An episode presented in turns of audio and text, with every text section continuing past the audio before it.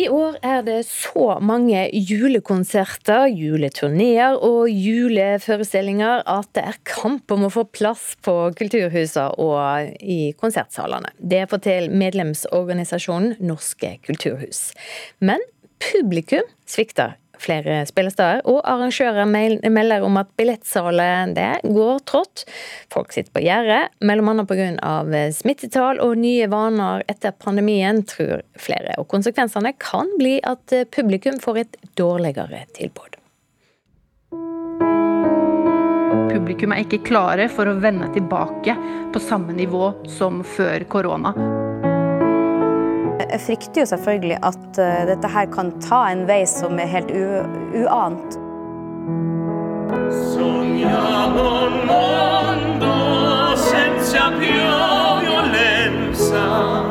De synger den kjente duetten The Prayer, Hans Marius Hoff Mittet og hans kone og kollega Maria Haukås Mittet, der de står foran flygelet i Lovisenberg kirke.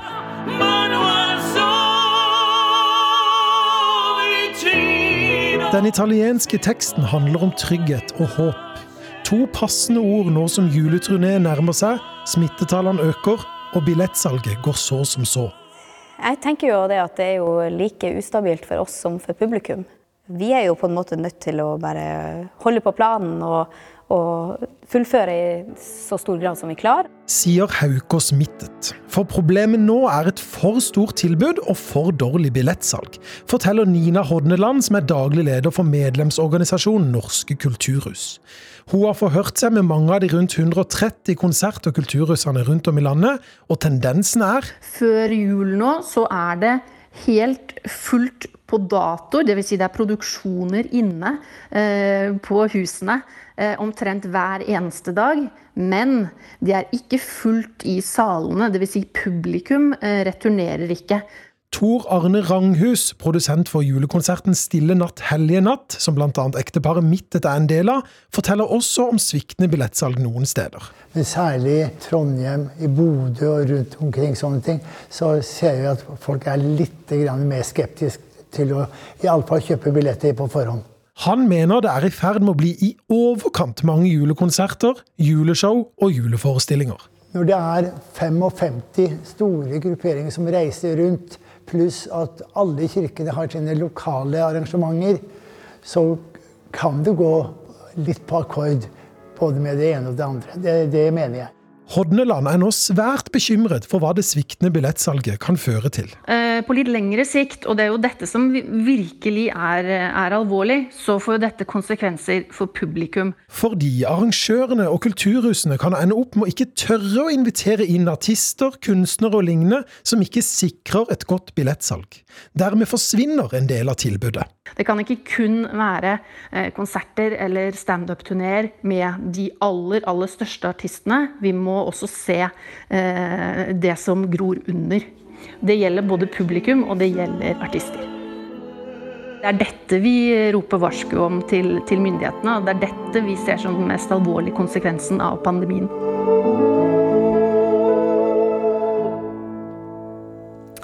Sjelden harmonisk slutt på radioreportasje.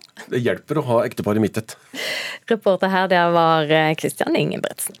Dette varskoet som vi da hører om, denne bekymringen, eh, den eh, får vi rette videre da til rette instans. Kulturminister Anette Trettebergstuen, velkommen til Nyhetsmorgen. Takk. Deler du bekymringen for at publikum sitter på gjerdet, og at billettsalget går trått? Ja, absolutt. Som vi hører fra kulturaktørene sjøl, så er det jo veldig mye som skjer nå. Nå har kulturlivet eh, stått på vent pga. pandemi i ett og et halvt år. Nå er det heldigvis åpent, og ting kan arrangeres igjen. og Det betyr at det er et stort tilbud der ute for oss som publikum. Samtidig som vi ser at folk kvier seg litt for å gå tilbake og bruke kulturtilbudet, bruke byen, gå på restaurant osv. Vi ser jo reportasjer på TV-en om at eh, smitten øker, sykehusene er fulle. Det sammen med liksom vanlig influensasesong og RS-virus og den type ting, gjør nok at folk de, de, de venter litt. Og det, det, er jo ikke bra, for vi vil jo nå få fullt trøkk i kulturlivet igjen. Det er trygt å gå på arrangementer. Jeg oppfordrer folk til å gjøre det. Så jeg følger med på situasjonen, har tett og god kontakt med aktørene i bransjen. Og vi lover at vi skal dra kulturlivet gjennom denne krisa. Og kulturaktørene er jo også noen av dem som, som vi hører her, som fortsatt merker konsekvensene av krisa, som kommer til å gjøre det en stund. Så jeg er opptatt av å, å lytte og være i dialog med aktørene og, gjøre det vi kan for å dra det gjennom. Men samtidig si til folk at nå må vi bare gå tilbake til normalen. Og det er trygt å gå på arrangementer. Oppfordre folk til å gjøre det. Gjøre det vi kan, sier du. Hva er det? Nei, nå vi på, har vi eh, sagt at eh, man kan eh, begynne å bruke koronapass. Eh, det håper jeg at gjør at folk føler at det er trygt å, å gå ut igjen og, og, gå på arrangementer, gå på konserter, kjøpe billetter. Det er trygt. Nå er vaksinasjonsgraden høy. Innføring av koronapass eh, er den sikkerheten som både kulturlivet trenger for å kunne arrangere, og folk trenger for å, å kunne bruke tilbudene. Så jeg håper at det er med på å roe litt ned. Så må vi jo ikke sant, se på da, hvilke tiltak som trengs eh, for at aktørene skal berges gjennom her. og Det ser jeg og regjeringa eh, på nå. Og vi er i god dialog med bransjen. Så er det jo heldigvis ikke helsvart heller. Vi ser at de yngste de har eh, tatt tilbake livene sine og, og kjøper billetter og går på arrangementer, men det er vi 40 pluss som, som tydeligvis er litt avventende her, da. Men dette har jo vært, som du sier, pandemien som har vært en av årsakene. Vi har også hatt en lengre streik i kulturlivet. Er det ikke en fare for at vi nå ser egentlig det nye kulturlivet? Det er slik det kommer til å bli? Det er klart det har vært tungt med lang pandemi, uten å kunne møtes og uten å kunne arrangere ting, og med en streik på toppen. Nå er vi heldigvis i andre enden av det. Vi ser lys i tunnelen på koronakrisa også, men det kommer nok til å merke konsekvenser en stund til. Og jeg er opptatt av å, uh, av å, å lytte til bransjen og, og gjøre det som kan, så lenge de merker konsekvensene. Men hva skal vi tilbake til? Det er jo et godt spørsmål. Jeg vil jo ikke at vi skal tilbake til kulturlivet slik det var før krisa. Jeg mener at vi skal framover, ja, til noe bedre. Vi har erfaringer fra denne krisa vi skal ta med oss. Jeg har bedt Kulturrådet og Norsk Filminstitutt om å kartlegge koronakonsekvensene for kulturlivet.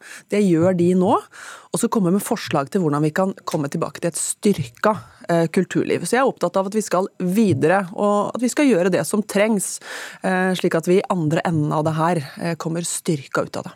Og da er det jo én ting å få folk til å komme, en annen ting er det, er det bare penger som skal til ellers? Altså Selvfølgelig handler det litt om penger. Ehm, vi bruker mye penger over budsjettet på å stimulere de delene av bransjen som, eh, som har lidd mest. Men så handler det også om da, tiltak eh, som får folk til å bruke kulturlivet igjen. og Der er jo nettopp innføringa av koronapass er jo et sånt virkemiddel. Vi, det er slutt på nedstengninger nå. Arrangører skal arrangere. Det er slutt på, på meteren og det er slutt på tomme stoler. Så jeg vil si til kulturlivet, arranger. Og jeg vil si til folk, Bruk av koronapass gjør at det er trygt å gå på konserter og gå på arrangementer, så bruk det flotte kulturlivet vårt. Takk skal du ha, Anette Trettberg. Stuen. Et av eh, de siste maleriene av den eh, kjente meksikanske kunstneren Frida Kahlo gikk under hammeren i New York på tirsdag denne veka, og hva måtte en ut med for å få tak i bildet, kulturreporter Emilie Louisa Millan Eide? Maleriet 'Diego og jeg' fra 1949 gikk for svimlende 35 millioner dollar, altså rundt 306 millioner kroner. Og dette her gjør dette til det dyreste latinamerikanske kunstverket som noensinne er blitt solgt på auksjon. Kahlo hun er jo kjent for sine ikoniske sjølportrett, der hun har intense og gåtefulle blikk, og ofte er omringa av planter og dyr. På dette her maleriet så renner det tårer fra øynene, og hun har måla mannen sin, eh, kunstneren Diego Riveria, i, i panna, eh, som et slags eh, tredje øye. Han var jo 20 år eldre enn hun, og de hadde et svært turbulent forhold. Og før Carlo døde, så rakk de å gifte seg hele to ganger. Dette her maleriet det skal representere sårbarheten og det emosjonelle kaoset som hun følte på etter at Riviera skal ha vært utro med en av hennes venninner. Men så er det en tvist i denne historien. Fortell. Ja, for sju tiår etter at hun maler det, eh, så eh, ble jo det solgt eh, som det dyreste latinamerikanske maleriet noensinne. Men ironisk nok så var jo det Diego Riviera som hadde den forrige rekorden med sitt maleri 'Los Rivales', eh, som gikk for rundt 10 millioner dollar i 2018. Eh, Anna Distasi fra Sotheby's eh, kaller dette her for den ultimate hevnen, men sier også at det viser at Carlo hadde et helt spesielt talent, og at dette her også viser verdien av arbeidet hennes. Vil du si at kunst av kvinner gjør det bra andre steder i verden òg, hvis vi ser på det økonomiske?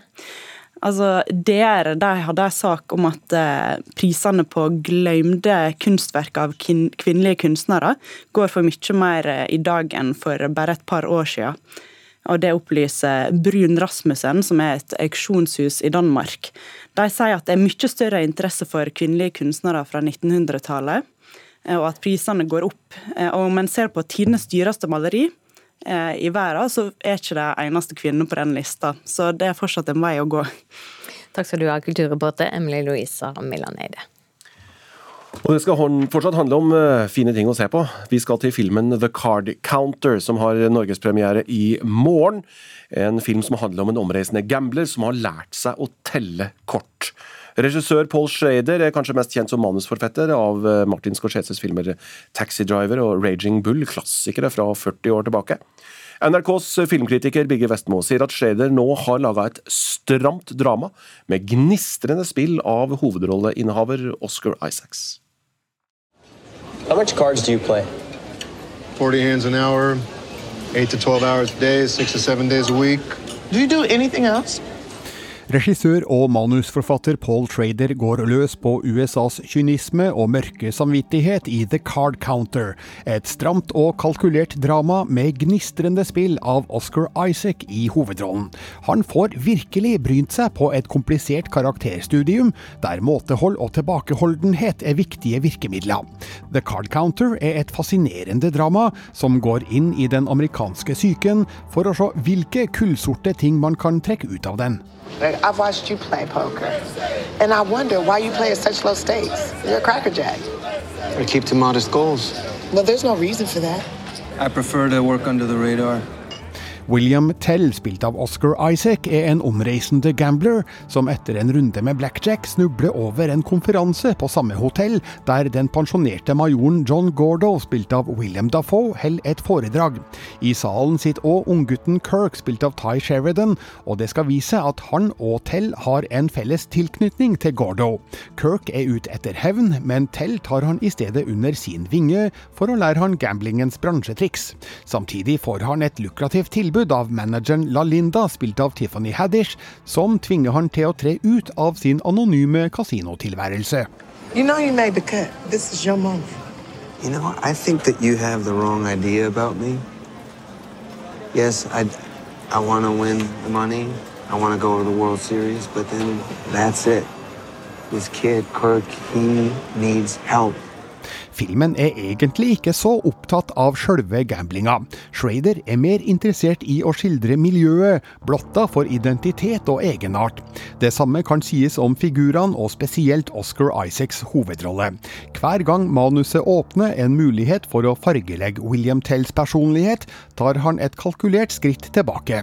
Vi kommer aldri helt inn på han, men gjennom Isaacs gode skuespill og Schraders smarte manus avsløres stadig nye detaljer detaljer om hans personlighet. No. Nothing can justify what we did. Historiens bakenforliggende tematikk om forsoning har en forbindelse til USAs nære militære fortid. Schrader avdekker sannheten klokelig med små drypp, inntil den åpenbarer seg i all sin grufullhet, og man forstår hvorfor William Tell har distansert seg fra sitt eget følelsesliv og foretrekker det omreisende gamblinglivets rutiner og forutsigbarhet. The Card Counter er et velforma drama som ikke gir noe gratis, og det lønner seg å ha tålmodighet, for sjøl om den kan være vanskelig å få øye på, har filmen en klar og sterk emosjonell slagkraft. No, but seriously, you should do something else. Just for variety. I like playing cards. Terningkast fem. Både kortspill og terningspill på én gang, faktisk. Du får mange flere anmeldelser på nrk.no anmeldelser. Og dette om The Card Counter var laget av Birger Vestmo.